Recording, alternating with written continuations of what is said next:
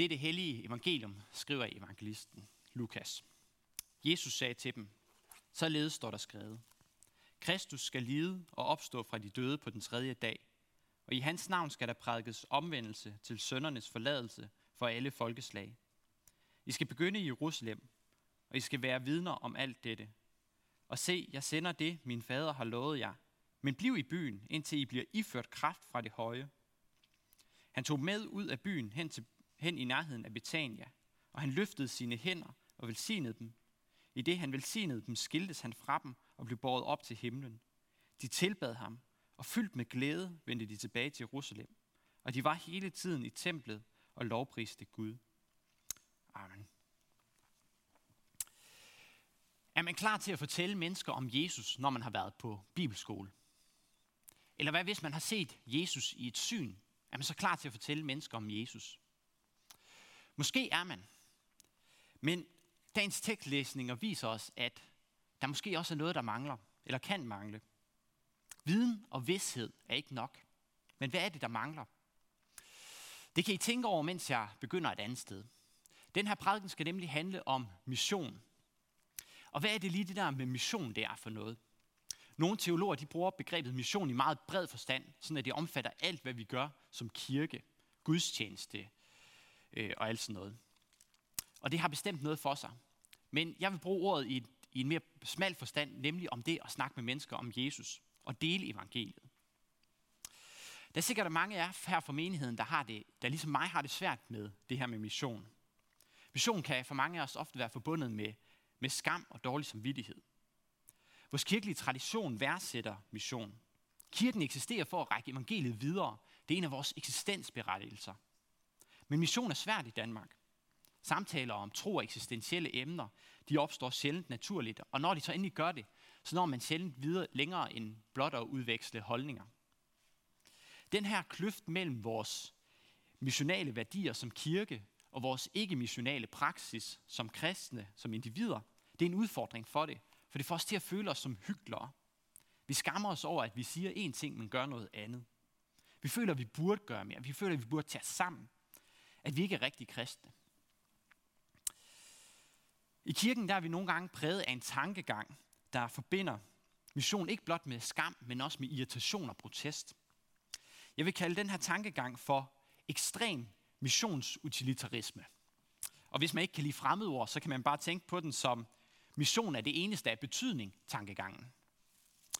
Argumentet lyder, frelse og fortabelse i det hinsidige er, er af uendelig vigtighed. Derfor er alt andet ligegyldigt i sammenligning. Derfor, det eneste rationelle er, at du bruger al din tid på at sikre din egen og andres frelse. Alt andet er derfor et middel til mission. I sig selv er alle andre ting blot et ligegyldigt spild af tid. Det gælder ikke kun penge og Netflix. Det gælder lige så meget fællesskaber, kunst, humor, videnskab, nødhjælp, barmhjertighed, relationer osv. Selvom de her ting måske godt kan sige at have en lille værdi i sig selv, så den her værdi så uendeligt lille i forhold til til spørgsmålet om frelse og fortabelse i det hensidige, at det bliver ligegyldigt. Den her tankegang den bliver sjældent så udtalt, som jeg netop har formuleret den. Men den ligger ofte i baggrunden, for det er jo en oplagt tanke. Det er jo et simpelt argument. Tankegangen fører os fører let til skam, for der er jo ingen af os, der kan leve op til det. Ligeledes fører den til irritation og protest, for det kan da ikke passe, at mission er det eneste, der har værdi her i livet. Sådan kan vi da ikke leve, sådan vil vi ikke leve. Hvordan man tilbageviser det her argument teologisk er en kompliceret sag. Så jeg vil bare pointere, at det her, det, den her tankegang er ikke udtryk for en bibelsk tankegang. Det er en udtryk for en moderne tankegang. Der er også ordet utilitaristisk. Men hvad er det så egentlig, Bibelen tænker om mission? Jo, og det er her, vi kommer til dagens tekstlæsninger, hvor mission er et helt centralt element. Jeg vil trække tre pointer frem fra teksterne. Og som en note til dem, der sidder og tæller med på fingrene, så kan jeg sige, at efter mine tre pointer, så kommer der fire principper, før prædikenen er færdig. Bare så I ikke bliver utålmodige. Så er jeg advaret. Godt. Tilbage til torsdagens tekster og den første pointe. Ved et første øjekast, så møder vi nemlig hurtigt den dårlige samvittighed, når vi går til bibelteksterne. Ikke i form af et missionsutilitaristisk argument, men i form af en flok superdisciple, der på pinsedag stormer ud på gader og stræder og omvender 3.000 mennesker. For burde vi jo ikke, burde vi ikke være som dem? Burde vi ikke storme ud på gader og stræder ligesom dem og forsøge at omvende mennesker? Er det ikke sådan, vi burde handle, hvis evangeliet virkelig er det vigtigste budskab? Hvis det virkelig er verdens bedste budskab? Der er et problem ved den her tankegang, og det er, at vi kan ikke bruge, eller i hvert fald ikke direkte bruge disciplene som ideal. For vi er ikke som dem. Godt nok var de mennesker ligesom vi, men deres tros- og livshistorie var helt anderledes fra vores. Deres situation var helt anderledes. Og den måde, som vi skal fortælle mennesker om Jesus på, det afhænger af vores troshistorie, af den situation, vi står i. Derfor så tror jeg ikke, der findes en universel missionsmetode, som gælder for alle mennesker. Lad mig prøve at genfortælle disciplenes historie, så vi bedre får blik for deres situation i forhold til vores. Historierne om disciplene begynder med, at Jesus samlede en gruppe mere eller mindre uddannede jøder, som skulle være hans elever, altså hans disciple. Disciplene de levede sig sammen i, med Jesus i to-tre år, hvor han underviste dem, hvor de vandrede rundt mellem småbyer. Jesus underviste, nogle gange sendte han dem ud på egen hånd til små byer. Til sidst så øh, drager de til Jerusalem for at fejre påske. Ankomsten går godt, og Jesus bliver fejret og hyldet som konge, der ankommer til Jerusalem. Men efter nogle dage, så vender folkestemningen mod ham. Han bliver fanget, taget til fange af romerne og henrettet. Disciplerne de er chokerede og målløse. Peter han benægter et hvert kendskab til Jesus, da han frygter for sit liv. Disciplerne isolerede sig i et hus i Jerusalem, hvor de skjulte sig en blanding af chok og frygt og fornyring. Og så på den tredje dag efter Jesu henrettelse, så får de deres livs overraskelse, da Jesus han lige pludselig står lys levende i blandt dem. Herefter så blev Jesus hos dem i 40 dage, hvor han underviste dem om Guds rige, og til sidst så tog de jo til den lille by Betania uden for Jerusalem, hvor Jesus han giver dem et løfte og en opgave. Opgaven er, at de skal være vidner om ham til jordens ende, og løftet er, at Helligånden skal komme over dem og give dem kraft til at vidne. Disciplinen får at vide, at de ikke må forlade Jerusalem, øh, før den her kraft kommer over dem, før ånden kommer over dem. Så bliver Jesus taget til himmels og forsvinder. Da disciplerne kommer sig over deres overraskelse, så drager de tilbage til Jerusalem, hvor de bruger tiden på at bede og lovprise Gud, mens de venter på ånden. Efter nogen tid, så sker det, mens de er forsamlet, at de hører en høj susen. Der, de ser noget, der ligner tunger og ild, der ligger sig på dem, og de begynder at tale på fremmede tungemål. Peter træder offentligt frem, holder sin pinseprædiken, der rammer folk i hjertet, og 3.000 mennesker bliver døbt og kommer til tro. Ligner den her troshistorie din og min troshistorie? Næppe. Lad mig to, trække to vigtige forskelle frem. For det første, så havde disciplene, de havde med egne øjne set den opstandende herre. De var fuldstændig sikre på, at han var Guds søn. Det stillede dem i en helt anden situation end os. De gik ud på gader og stræder, så der vidste de, at Jesus var Guds søn. Det ved vi ikke. Vi tror det. Måske vil nogen dag gå så langt som at sige, at de har gode grunde til at tro det. Men der er meget få kristne, der kan sige, at de har haft en oplevelse, der giver dem en sikkerhed, tilsvarende det, den sikkerhed, som disciplene havde. For det andet, så var disciplene blevet undervist af Jesus i tre år. De havde været i Jesu bibelskole. De vidste altså, at de havde den rette lærer, eller i hvert fald en teologi, som var så rigtig, som den kunne blive i den situation. Vores situation er anderledes. Vi tror selvfølgelig, at vi har en god teologi, og vi forsøger, forsøger at begrunde den så godt vi kan. Men vi har slet ikke den samme grad af sikkerhed som disciplene. Her er altså to gode grunde til, at vi ikke kan løbe ud på gader og stræder med samme frimodighed som disciplene. De vidste med sikkerhed, at de havde det rigtige budskab, og at budskabet var sandt. Det gør vi ikke. Det betyder selvfølgelig ikke, at vi så ikke skal fortælle mennesker om Jesus. Men det betyder, øh, og det er den første af mine tre pointer, at vi skal gøre det på en anden måde. Vi skal gøre det på en måde, der passer til det ansvar, der er blevet os betroet af Gud. Det her det var den første pointe. Anden pointe, det var det første, der slog mig, da jeg læste teksten fra Lukas og Apostlenes Gerninger. For hvorfor er det egentlig, at Jesus han beder disciplene om at vente? Hvorfor sender han dem ikke bare direkte ud i mission? Disciplene de havde været i Jesu bibelskole i tre år. De her var blevet undervist af den opstandende i 40 dage om Guds rige. Desuden så havde de set den opstand med egne øjne. De vidste, at han var Guds søn. De to ting burde da gøre dem til de ultimative evangelister. Men Jesus han beder dem alligevel om at vente. Hvorfor? Fordi de skal vente på Helligånden. Og hvad fortæller det os så om mission? Jo, det fortæller os om mission, at mission er Guds mission. Det er Guds ansvar. Det er Gud, der i gang sætter mission, og det er Gud, der driver mission. Det er en pointe, vi skal huske, når vi slår os oven i hovedet over, at vi ikke gør nok for at fortælle mennesker om Jesus. Det er Gud, der i gang sætter og driver mission. Selvfølgelig er det ikke en legitimering af, at vi så bare passivt kan slappe af og vente på, at der kommer tungere ild, der ligger sig på os. Det som det er, det er et korrektiv til et missionsideal, hvor alt vægten og ansvaret ligger på vores skuldre. Men hvorfor er det egentlig, at viden og vidshed ikke er nok?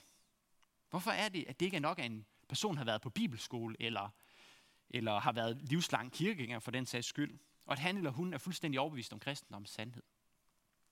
Jeg tror, svaret ligger i troens natur. Troen er en gave fra Gud, som kun Gud kan skabe.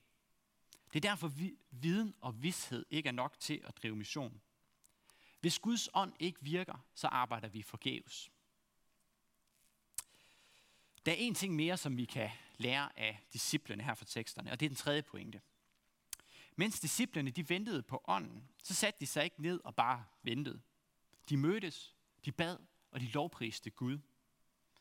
Og måske er det en rigtig god pointe i forhold til mission, at mission og kristen spiritualitet hænger sammen. Bøn er en forudsætning for mission.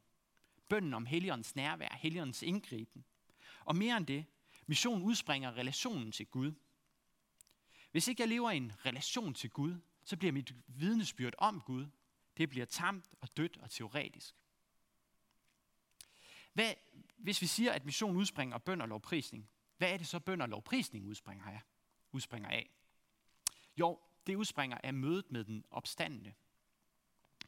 I mødet med min egen erkendelse, i erkendelsen af min egen utilstrækkelighed, og i mødet med Guds almagt, der fødes bønden om hjælp. Og i mødet med erkendelsen af Guds store gerninger for mig i Jesus, der fødes lovprisningen, taknemmelighedens lovsang til Gud. Derfor begynder missionen ikke med, at jeg tager mig sammen og tager ølkassen under armen. Nej, missionen det begynder her ved gudstjenesten. Det begynder i tekstlæsningerne og i forkyndelsen. Det begynder i bibellæsningen og i bibelkredsen, hvor man slår ring omkring ordet om Jesus og lytter. Herefter forplanter den sig så til lovprisningen og bønden om åndens hjælp. Og her modnes den til, når ånden vil og giver anledning. I Danmark og i Vesten generelt opstår sådan, sådanne anledninger desværre ikke så ofte. Det handler nok mere om vores kultursituation, end det handler om åndens vilje til at sprede ordet. Hvordan vi driver mission her i Danmark er kompliceret, og jeg har ikke svaret på det. Men jeg tror ikke på, at svaret er, at vi skal tage sagen i egen hånd og sparke døren ind. Hvordan er det så, vi bør drive mission i Danmark? Og med det mener jeg ikke, hvad er det for en metode, vi skal følge, sådan at mennesker rent faktisk kommer til tro. Nej, det jeg mener er, hvordan driver vi mission på en måde, som der ikke er skamløs, altså på en måde, hvor vi overskrider folks grænser, men på en måde, som vi ikke behøver at skamme os over. Hvordan er det, vi driver god mission? God mission? Jo, det første, for det første så er det lettere at sige, hvordan vi ikke skal drive mission, end hvordan vi skal drive mission. Missionsutilitarismen, som jeg tidligere, den her tankegang, jeg tidligere nævnte, den går ofte hånd i hånd med en tankegang om målet helliger midlet. Hvis bare mennesker kommer til tro, så er det ligegyldigt, hvordan de kommer til tro, eller hvad for nogle midler vi benytter. Så om vi benytter psykologisk manipulation, social isolering, eller ikke fortæller dem hele sandheden, det er ikke så vigtigt. Det er selvfølgelig fuldstændig uacceptabelt. Lad mig derfor præsentere fire principper for god mission. Altså for mission, som vi ikke behøver at skamme os over. Det første princip, det er noget så basalt som høflighed. At man overholder de uudtalte sociale koder, som er til stede i alle kulturer og fællesskaber. Vi har alle sammen en rimelig god fornemmelse af, hvad der er høfligt og hvad der er uhøfligt. I hvert fald så, så lang tid vi befinder os i en kultur, som vi kender til. Problemet er selvfølgelig, at høfligheden nogle gange kommer i konflikt med ønsket om at fortælle om Jesus. Og vi kan føle, at vi er nødt til at overvinde høfligheden for at kunne komme til at fortælle om Jesus. Den missionsutilitaristiske kristen, han løser problemet ved at trumle høfligheden. Evangeliets udspredelse trumfer jo alt, inklusive kulturelle koder omkring, hvad der er høfligt og uhøfligt. Det, jeg tror ikke, det her er en bibelsk tankegang, øh, men udtryk for en moderne tankegang. Jeg tror ikke, vi i Bibelen finder en samlet model for mission, som vi bare kan overføre på nutiden. Forskellige situationer kræver forskellige strategier. Og nogle gange kan det være nødvendigt at udfordre det, som bliver fundet for høfligt eller uhøfligt i en kultur. Jeg tror stadig, vi, vi, vi kan lære meget af Bibelen. En af de ting, som jeg har stusset ved, er for eksempel, at Paulus i en af sine brever, der opfordrer han menigheden til at leve et stille liv. Og måske kan det oversættes til, lev et høfligt liv og undgå at skabe unødvendig forarvelse blandt dem, I lever iblandt. Det betyder selvfølgelig ikke, at vi så bare skal være passive og afventende. Paulus han skriver et andet sted, at vi skal udnytte det gunstige øjeblik. Vi skal holde øje efter anledninger, hvor vi kan dele evangeliet. Vi kan altså gøre meget uden at blive uhøflige. Og en af de ting, som vi kan gøre, det er princip 2, nemlig nysgerrighed. Vær nysgerrig på, hvad den anden tænker og mener og tror, og hvorfor vedkommende tror og tænker og mener, som han eller hun gør. Det er uhøfligt at komme med svar på spørgsmål, som ikke er blevet stillet. Så hvis vi gerne vil fortælle, at Jesus er Guds søn, eller at friheden i Kristus er vidunderlig, så er vi afhængige af, at der er nogen, der stiller os det rigtige spørgsmål. Derfor er svar begrænset og bundne, mens der er langt videre rammer for, hvad vi kan, hvad vi kan gøre med spørgsmål. Hvad vi kan tillade os at være nysgerrige omkring. Selvfølgelig er der også nogle spørgsmål, som er upassende. Som barn lærte jeg, at man ikke må spørge en kvinde om, hvad hun vejer. På samme måde er der også nogle ting omkring tro, som det er upassende at spørge ind til. Medmindre man er i en bestemt situation, eller man er i en bestemt relation til vedkommende. Det er selvfølgelig helt afgørende, at nysgerrigheden og interessen for den anden er ægte. Ellers så bliver vores brug af spørgsmål bare manipulerende. Så handler det bare om, at jeg vil sætte min vilje igennem. Det bringer os til det tredje princip, nemlig ærlighed. Ærlighed er det modsatte af manipulation. Manipulation har en skjult dagsorden. Vi har ingen skjult dagsorden, for mission er dybest set Guds mission. Det er ikke vores ansvar, at mennesker kommer til tro. Det er Guds ansvar. Derfor kan vi være ærlige om den situation, som vi er i i vores tro, og vores forhold til troen. Det kan godt være, at det ville virke mere overbevisende, hvis vi lod som om, vi havde vi var sikre på kristendommens sandhed. Og hvis vi lod som om livet som kristen kun var fyldt med glæde og fred. Men vi er ikke kaldet til at lyve på Guds vegne. Selvfølgelig, hvis det er sådan, man oplever den kristne tro, så skal man jo ærligt sige det. Men jeg tror, det er de færreste af os, der har det på den måde. Vi skal stå ved vores tro, sådan som vi oplever den og opfatter den. Og så skal vi huske, at vi lige så meget som den anden er på vej. Vi er på vandring her i livet. Kristen tro er ikke noget, man bare bliver færdig med. Det er noget, man lever i. Det er noget, man kæmper med. Og det er noget, man bæres af. Det fjerde og sidste princip handler ikke direkte om, hvordan vi snakker med mennesker om tro, men hvorfor vi gør det. Det handler om motivation, hvad der driver os. Hvad kan forkert motivation være? Jo, grundlæggende set, så handler det om, når jeg kommer til at gøre den anden til et middel, eller til et objekt for noget, som kun handler om mig. Det kan for eksempel være, hvis jeg udelukkende øh, fortæller en, en anden om Jesus, fordi det skal jeg som kristen. Jeg er drevet af religiøs pligt. Det er jeg kaldet til. Eller det kan være, hvis jeg er drevet af den sociale anerkendelse, der er i kirken ved at være en missionerende kristen, ved at man snakker med sine venner om tro. Det giver såkaldt street credit i kirken, hvis man har ført et menneske til tro. Problemet er ikke pligt eller social, at, problemet er ikke, at pligt eller social anerkendelse er til stede i mig. Det er de de fleste af os hele tiden. Problemet er, hvis det bliver vores eneste eller vores primære drivkraft i missionen. Den primære og drivende kraft i missionen må være næstekærligheden. Den oprigtige øh, omsorg for det andet menneske. Ønsket om at give det andet menneske noget godt for det andet menneskes skyld. Man kunne trække mange flere principper frem for, hvordan vi bør drive mission i dag. Jeg vil lade det blive ved de her fire. Høflighed, nysgerrighed, ærlighed og kærlighed. Så har vi grund til at skamme os over vores mission. Men det kommer an på, om vi gør det skamløst. Men som kristne er vi ikke kaldet til at opføre os skamløst. Altså, hvis vi er drevet oprigtig kærlighed til vores medmennesker og deler evangeliet med ham eller hende på en måde, som er høflig, nysgerrig og ærlig, ja, så har vi ingen grund til at skamme os over vores mission. Og det bringer os til det sidste spørgsmål. For er vidnesbyrdet om Jesus Kristus værd at bringe til alle verdens hjørner? Er Kristus værd at give videre? Er Jesus virkelig et lys i menneskers liv? Disciplerne, de var ikke i tvivl. Paulus, han var ikke i tvivl. De centrale personer i kirkens historie fra oldtiden op til i dag har ikke været i tvivl. Men derfor så kan du og jeg jo godt komme i tvivl. Derfor, hvis du ønsker, at menneske skal høre om Jesus, så må du først og fremmest selv lytte. Amen. Lov og tak og evig ære være dig, hvor Gud, Fader, Søn og Helligånd. Du som var og er og bliver en sand treenig Gud, højlovet fra første begyndelse, nu og i al evighed. Amen. Og nu skal vi sammen bekende vores kristne tro. Vi forsager djævlen og alle hans gerninger og alt hans væsen. Vi tror på Gud Fader, den almægtige, himlens og jordens skaber.